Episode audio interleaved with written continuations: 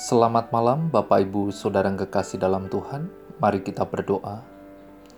Bapa di surga, berikan keteduhan hati yang siap menerima firman-Mu. Lewat renungan malam ini, kami rindu diberkati dan biarlah itu boleh kami aplikasikan untuk menjadi berkat. Di dalam nama Tuhan Yesus. Amin. Tema malam hari ini, aku mau. Markus pasal 1 ayat 41. Maka tergeraklah hatinya oleh belas kasihan. Lalu ia mengulurkan tangannya, menjamah orang itu dan berkata kepadanya, Aku mau, jadilah engkau tahir.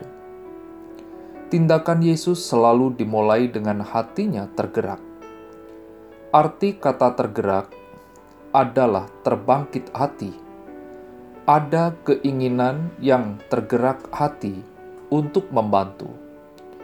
Arti lain dari tergerak adalah telah bergerak atau digerakkan. Terlihat jelas di sini tergeraknya hati Yesus adalah karena belas kasihan. Lalu diulurkan tangannya, dijamahnya si kusta sambil berkata kepadanya, Aku mau menghendaki, jadilah engkau tahir. Kita telah membaca di ayat sebelumnya, dikatakan seorang kusta ini datang kepada Yesus, dan sambil berlutut di hadapannya, ia memohon bantuannya. Katanya, "Tuhan, kalau Engkau mau, Engkau dapat mentahirkan aku." Kata Tuhan, "Kalau Engkau mau," serta sikap tunduk dari si kusta meminta perhatian khusus untuk masalahnya. Dengan sikap yang hormat, ia datang sebagai seorang pemohon yang malang.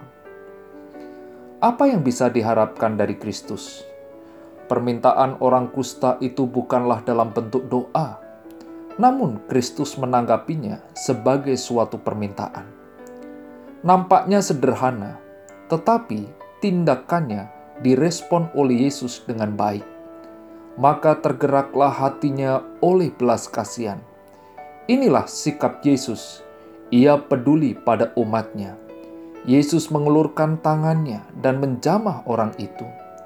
Yesus menyalurkan kuasanya yang diarahkan kepada si kusta. Aku mau, jadilah engkau tahir. Dan seketika itu juga kuasa Kristus bekerja di dalam dan melalui perkataannya. Itu terjadi untuk menunjukkan dengan jalan apa Kristus menyembuhkannya, yaitu lewat kuasa firman, lewat kuasa perkataannya. Keraguannya dijawab seketika itu juga. Yesus memberikan kemurahan bagi orang kusta itu, dan ia sembuh. Apa yang bisa diharapkan dari Kristus? Pertanyaan ini sering berkecamuk di benak hati dan pikiran kita. Permohonan yang paling manjur, yang bagaimana harus kita sampaikan? Untuk mendapatkan belas kasihan dari Kristus, apakah saudara menangkap sebuah permohonan yang berupa pengakuan iman dan penyerahan diri yang keluar dari hati yang terdalam? Kita memperhatikan sikap Yesus berhadapan dengan orang kusta. Yesus tidak mengusir dan menjauh, tetapi Yesus justru menggerakkan tangannya ke arah orang kusta itu, lalu menyentuhnya. Mengapa Yesus mau menyentuhnya? Karena belas kasihannya.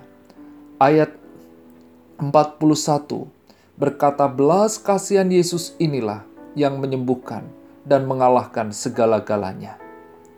Bagaimana dengan saudara? Sudahkah saudara datang, berlutut, memohon, dan berkata dengan hati yang tulus di hadapan Yesus?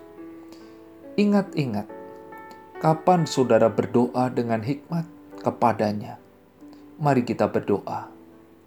Bapa di surga, berikan ketulusan hati dan iman percaya di hadapanmu di dalam diri kami ada berbagai pergumulan yang sangat berat.